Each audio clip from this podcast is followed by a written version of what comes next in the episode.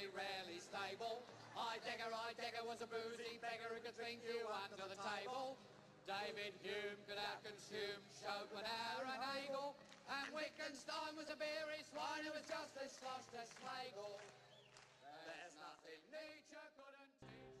Most of science fiction is, in fact, well within the laws of physics, but possible within maybe 100 years. And then we have impossibilities that may take a thousand years or more.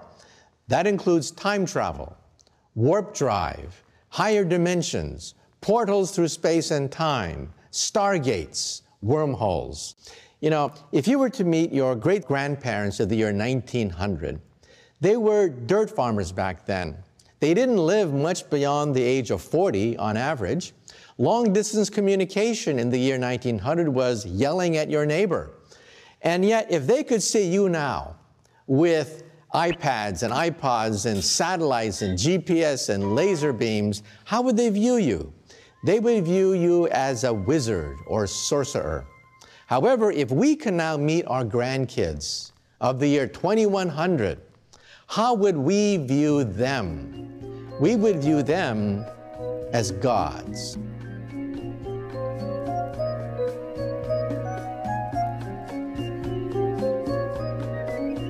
Deze Amerikaans-Japanse futurist en theoretisch natuurkundige, Michio Kaku, beweert dat de mogelijkheden van de natuurkunde oneindig zijn en dat dingen die we nu alleen tegenkomen in Harry Potter, teleportatie, vliegende auto's, de eeuwige jeugd en tijdreizen, over een jaar of honderd gewoon tot de dagelijkse beslommering behoren. Hij is niet de enige die er zo over denkt. Tal van natuurkundigen zijn aan het werk aan theorieën die met de fysieke realiteit nog weinig te maken hebben en je voorstellingsvermogen ver te boven gaan. Denk hierbij aan theorieën waarin het gaat over opgerolde universa, vliegende deeltjes en wolken van waarschijnlijkheid. Als we het over dat soort theorieën hebben, praten we dan nog wel over natuurkunde, een wetenschap die de fysieke werkelijkheid beschrijft en verklaart? Of behoren die eigenlijk tot de metafysica, een leer die de achterliggende aard van de werkelijkheid onderzoekt? Voor de tiende editie van de Felix en Sophie podcast, De Metafysica van de Fysica, ga ik hierover in gesprek met redactieleden Ernst Meijer en Camille Feiertag.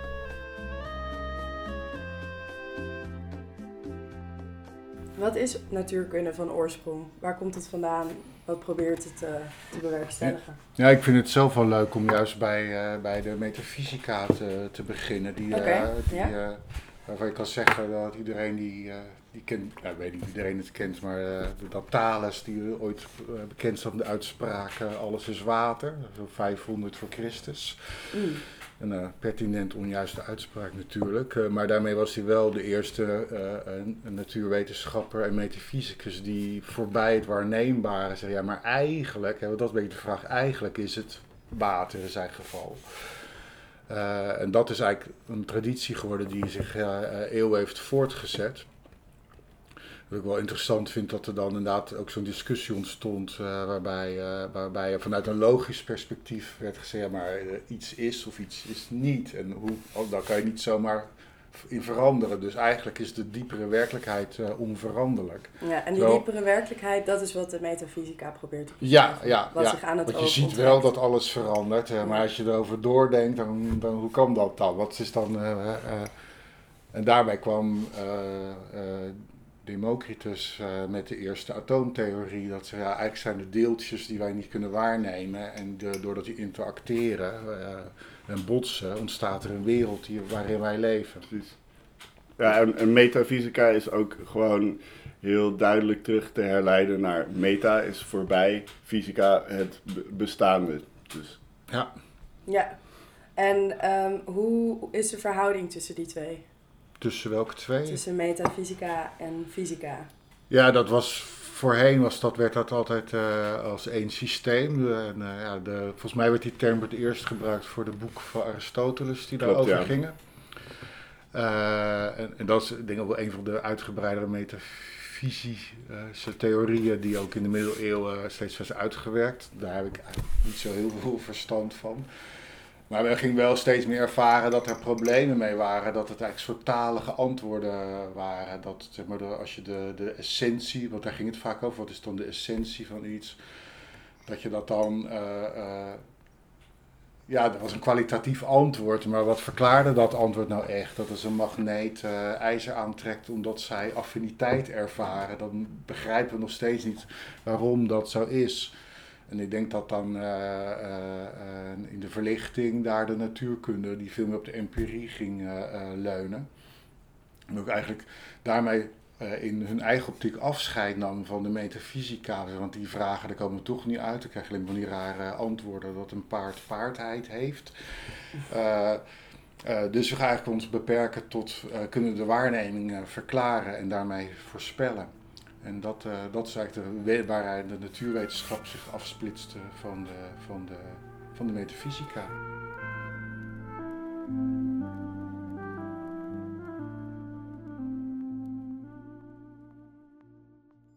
Waar, waar we het deze avond ook over uh, willen gaan hebben, is dat vervolgens de, de, natuurkunde steeds verder ging, steeds moeilijker vragen probeerde te antwoorden. Zoals wat? Uh, nou, zoals, uh, zoals nou, een stap terug, dat je het hoogtepunt van de, van de verlichtingsnatuurkunde, ik het zo mag noemen, is dan Newton met zijn, met zijn klassieke mechanica, die helemaal mathematisch is. Uh, die, die, die kon alles perfect verklaren. Uh, ik denk dat Einstein op een gegeven moment wel uh, met, met idee als zeg maar, de inzichten die, die, van wat licht nou eigenlijk is. En die is daarmee aan de slag gegaan. Maar hij is op een gegeven moment wel na gaan denken over een diepere aard van tijd en, en, en ruimte. En als de lichtsnelheid constant is, wat betekent dat dan?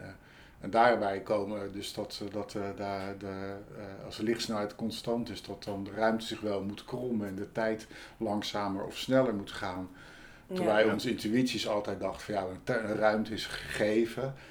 Of in, bij Kant te blijven, dat zijn zeg maar, de, waarin wij ons kenvermogen uh, plaatsvindt. Dat, we kunnen niet anders dan in tijd en ruimte denken. Nou, daar, ik geloof nog steeds wel die, die categorieën van Kant hoor. Maar los daarvan, ja, zeker het idee dat ruimte en tijd vervormbaar zijn, dat gaat ver voorbij de voorstelbare werkelijkheid, ja. denk ik. Ja. Bedoel, dat gaat ons begripsvermogen wel echt te boven. En dat, en dat is natuurlijk een interessante, dat je dus vanuit, uh, vanuit het begin gewoon wiskundig en logisch redenerend dan tot bepaalde conclusies komt die niet direct op waarneming zijn gestoeld meer. Ja, en, dan blijkt ook nog eens dat dan 50 jaar later of zo dat soort uh, die theorie ook wel bevestigd uh, worden. En dat wringt begrijp ik een beetje met dat idee hoe de natuurkunde zich in de verlichting hebben ontpopt als een discipline die zich alleen maar met het waarneembare bezighoudt. Hoe valt dat mee? Nou, ja, dat, het wringt in de zin dat de theorieën zo complex zijn dat je best wel veel moeite moet doen om die theorieën te begrijpen en uit te leggen hoe die consistent zijn met de manier waarop Newton de wereld beschrijft. Ze zijn zeker consistent, dus ik zou niet willen zeggen dat uh, um, nu, nu speculatieve natuurkunde totaal uh, niet meer uh, um, te herleiden is tot de waarneembare werkelijkheid, maar het wordt zo ingewikkeld en staat zo ver van de waarneembare werkelijkheid af, dat, dat je gewoon heel veel moeite moet doen om, om dat begrijpelijk te maken. Ja, en zijn die theorieën echt bewijsbaar? Ja, dat is de vraag. Dus, dus, er werd al eerder gedacht van, uh, van de theorie van Einstein. Er zijn recent nog bepaalde aspecten van, uh, van bewezen. Terwijl toen de tijd was het, uh, waren wel gedachte-experimenten. Hoe je dat ooit moest uitvoeren, was, dat kon niemand zich voorstellen. Toch waren die theorieën geaccepteerd natuurlijk, al die tijd. Um, maar toen niet verifieerbaar. En nu heb je denk ik zelfs theorieën die principieel niet verifieerbaar zijn. Dus dat gaat eigenlijk nog een stap verder naar de snaartheorie kijkt, uh, en dan zit, om die dan compleet te maken. Wat is de snaartheorie? Uh, dat is de theorie van wat het allerkleinste, hoe de, het universum echt is opgebouwd. Um, en dat is principieel niet verifieerbaar. En om die theorie dan compleet te maken, mathematisch sluitend, volstaat het niet met drie dimensies. Maar we hebben er twaalf nodig, zover ik weet. Hè? Ja. En dan, eh, waar, zijn die 14 andere, waar zijn die andere dimensies dan? Nou, die zijn dan dus opgerold. Eh, Oké, hoe zijn ze dan opgerold? Eh, daar houden ook vele natuurkundigen mee bezig. Van hoe zou je dat dan kunnen oprollen? En dan, ja, dan, wat zijn we dan nog gaan doen? Dat, vraag, dat is dan wel een spannende vraag.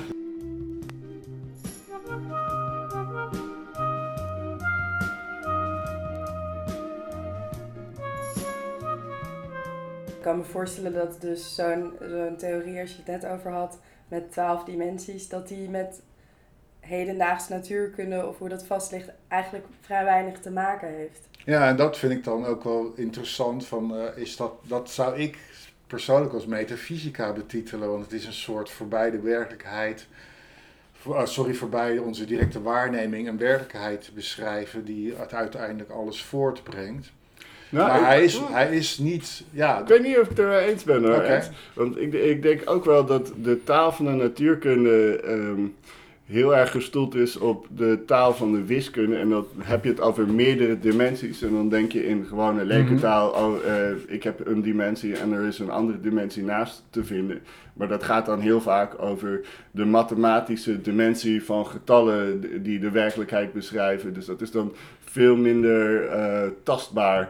Ehm, Ja, dan dat je wil zeggen dat die meerdere dan- dimensies eh, daadwerkelijk eh, fysiek bestaan. Ja. Is het misschien eerder een afgeleide van de wiskundige eh, nood, de wiskunde die no- voor zo'n theorie nodig is. Dus ik denk wel dat je daar, ik denk dat dat wel een beetje een misvatting is die veel mensen hebben over de onvoorstelbaarheid van natuurkundige theorieën. Dat het heel vaak voortkomt uit gewoon hele ingewikkelde wiskundige begrippen die wij op een alledaagse manier proberen toe te passen. Ik weet niet of je... Nou, Wat vind jij wel- daarvan, Ernst? Eh, nou, deels klopt dat denk ik wel. Ik vraag me dan wel af waarom die dimensies dan zo nodig opgerold moeten zijn, zodat we er maar drie kunnen waarnemen. Dus daar, is de, daar is toch, wordt toch die sprong eh, gemaakt. Dat, nou, Oké, de natuurkunde is heel krachtig, eh, bizarre en mooie theorieën. Voor een groot deel op, eh, op wiskunde, dus op vergelijkingen gestoeld. Maar sluit heel slecht aan bij ons denken. Eh, want wij denken wel in deeltjes en tijd en ruimte. En, Denken wij in deeltjes? nou, wij, wij kunnen niet. Ik weet niet, als ik, als ik, als ik, een, eh, als ik het woord elektron gebruik, dan vermoed ik dat jij een klein balletje eh, voor je ziet. Zo Ja, bedoel ik het. eh, een, ja. eh, een grote cirkel. Van, eh, en dat blijkt allemaal niet te kloppen. Dus dat is wel. Dus hoe als. Hoe. Wat- Is dat omdat die vertaling dan niet klopt van wiskunde of van, van wiskundige basis van metafysica naar de werkelijkheid en daarmee ons voorstellingsvermogen? Ja, dat, dat, dat vind ik wel een interessante puzzel van, eh, van, eh, van eh, als natuurkundige, eh, zeg maar, briljant natuurkundige, die helemaal, kan die helemaal zijn vergelijkingen leven. Eh, maar hoe communiceert hij dan nog? Want dat, dat is een beetje Wittgensteiniaans. Dat, kan geen privétaal hebben. Dus op een gegeven moment moet Ja. het weer een brug geslagen worden. En wat gebeurt er dan als je het over deeltjes... dus ga je onjuistheden zeggen of benaderingen van wat... Dus gaat het ook weer ergens verloren. Dus eh, als jij, als, jij eh, als enige in je denken die, die vergelijkingen weet te bereiken... Oh, je bedoelt, Ja. hoe kun je de mathematische wetten van, de, van het universum vertalen naar spreektaal? Ja, maar dat zegt natuurlijk ook iets over ons denken. Want, want als jij Ja. niet wiskundig kan denken, wat, ja, dat vind ik wel... Ja, ja, we verliezen de voorstelbaarheid. Een groot, Ja. groot, Ja. in, in ons trachten proberen het voorstelbaar te maken, wordt het absurd eigenlijk. Ja, en, en dat je dus, zeg maar, klassiek wordt heel vaak, traditioneel moet ik beter zeggen, wordt, wordt zo'n debat van is natuurkunde realisme of is het gewoon instrumenteel? Is het hè, dat het gewoon waarnemingen bevestigt en, eh, en we kunnen er dingen mee, gewoon praktisch? Of is het echt realistisch? Maar ik ook zeggen, ja, die, die wiskundevergelijking eh, een, een, een idealistische werkelijkheid. eh, dus het is veel meer een beetje Hegelachtig. En dan proberen we Mhm. daar bij ons denken bij te komen.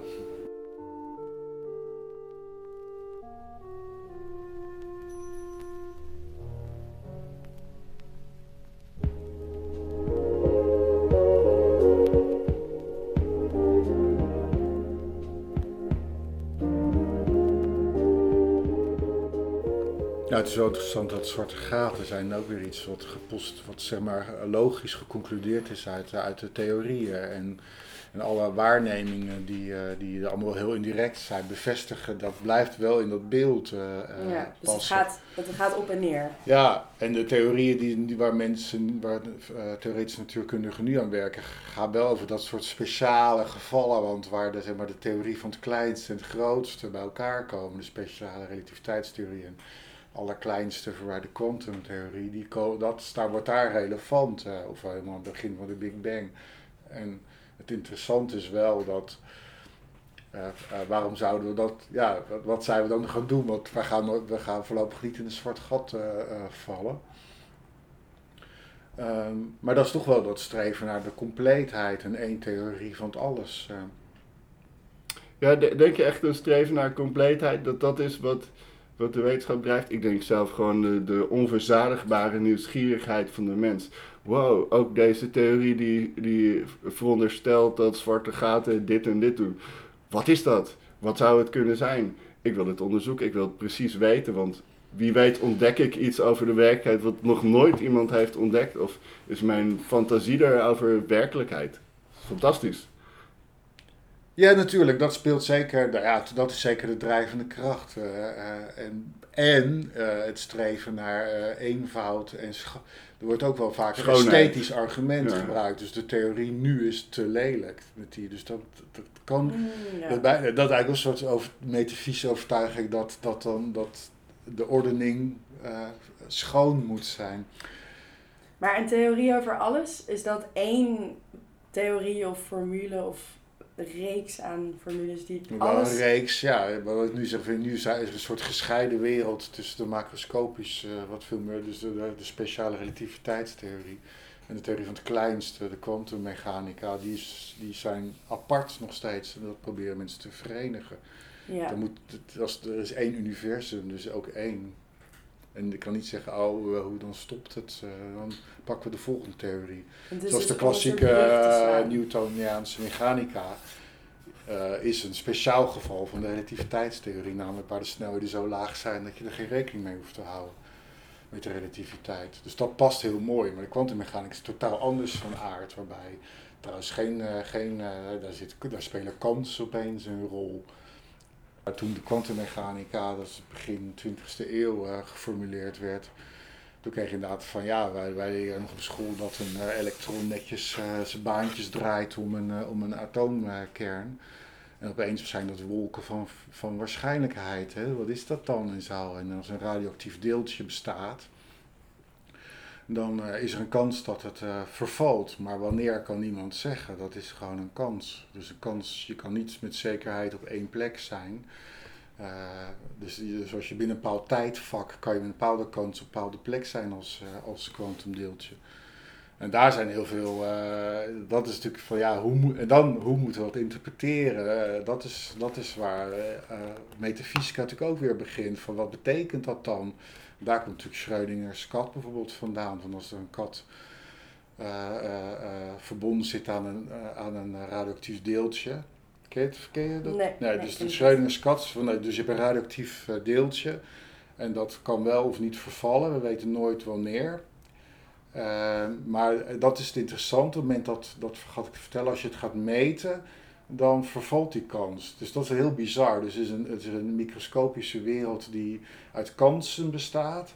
Maar zodra je gaat meten, dan krijg je één, dan, dan komt er één situatie. Hm? Maar dat begrijp ik niet. Nee, dat is precies van. Want is dat dan een situatie die stil komt te staan terwijl het eerst aan het bewegen was? Of is het, uh, gebeurt er iets door die meting zelf? Waardoor ja, daar, daar, dat zijn typisch de vragen die mensen gaan stellen. Dus dat, de, de, de, dat is een van de interpretaties. Dat, je, je kan zeg maar, dat, hoe dat deeltje zich in tijd en ruimte volgens bepaalde kansen over een soort wolk van waarschijnlijkheid is. Dat wordt dan in een wiskundige ruimte beschreven, de Hilbertruimte.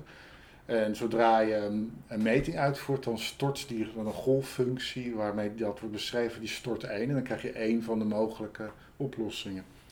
En, daar komt dus ook de Schrödinger's kat van, want dat is een hele rare. Dus dan zou er een gedachte-experiment mogelijk moeten zijn dat je, dat je een, een kat in een, in, een, in een ruimte En een radioactief element wat dus zich volgens de kwantummechanica gedraagt. En we weten niet of dat uh, vervallen is of niet. Maar zodra het vervalt, dan zou dat zeg maar, een, mechanisme in werking stellen, waardoor het is natuurlijk wel weer een sadistisch gedachtexperiment, dat er een gif vrijkomt dat de kat doodt.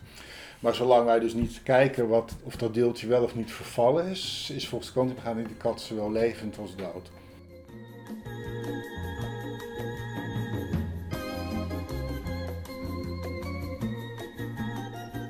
Kunnen we dichter bij die waar, werkelijkheid, werkelijkheidsbenadering of waarheid komen uh, zonder metafysica? Ik zou heel stellig willen zeggen nee. Je moet altijd blijven nadenken. Wat zegt mijn, mijn, mijn natuurkundige theorie ehm, over de werkelijkheid en wat is zijn grens? Wanneer ga ik de fysica voorbij? En ik denk dat dat een goed iets is om in de gaten te houden. Zeker wanneer je zulke wilde natuurkundige theorieën over multiversa een, een, een Schrödinger's kat postuleert, dat je altijd moet nadenken over de implicaties daarvan en wanneer je echt de fysica voorbij gaat. Ja. En, en wat aan de fysica vooraf gaat, uh, wat is ook ja. uh, dat streven naar schoonheid is een soort methodische uh, opvatting. waarom, waarom moet het steeds mooier worden of eenvoudiger? Dus ik denk dat het ook bordenvol dat soort aannames uh, zit.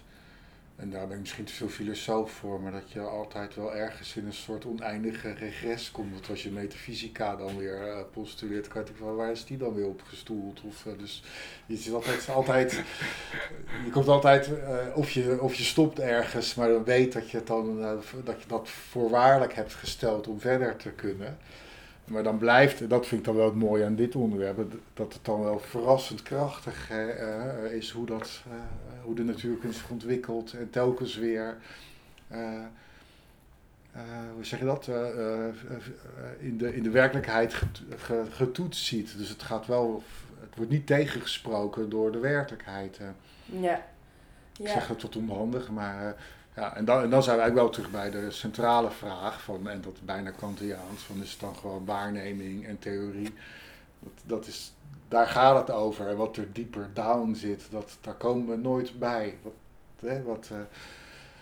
Ja, maar ik vond het ook wel iets, iets moois wat jij net zei. Dus dat um, natuurkunde natuurlijk beschrijft um, wat er is. Ja. Maar dat dat nog geen antwoord geeft op hoe dat bestaat. Waarom? Ja, ja waarom? Ja. ja.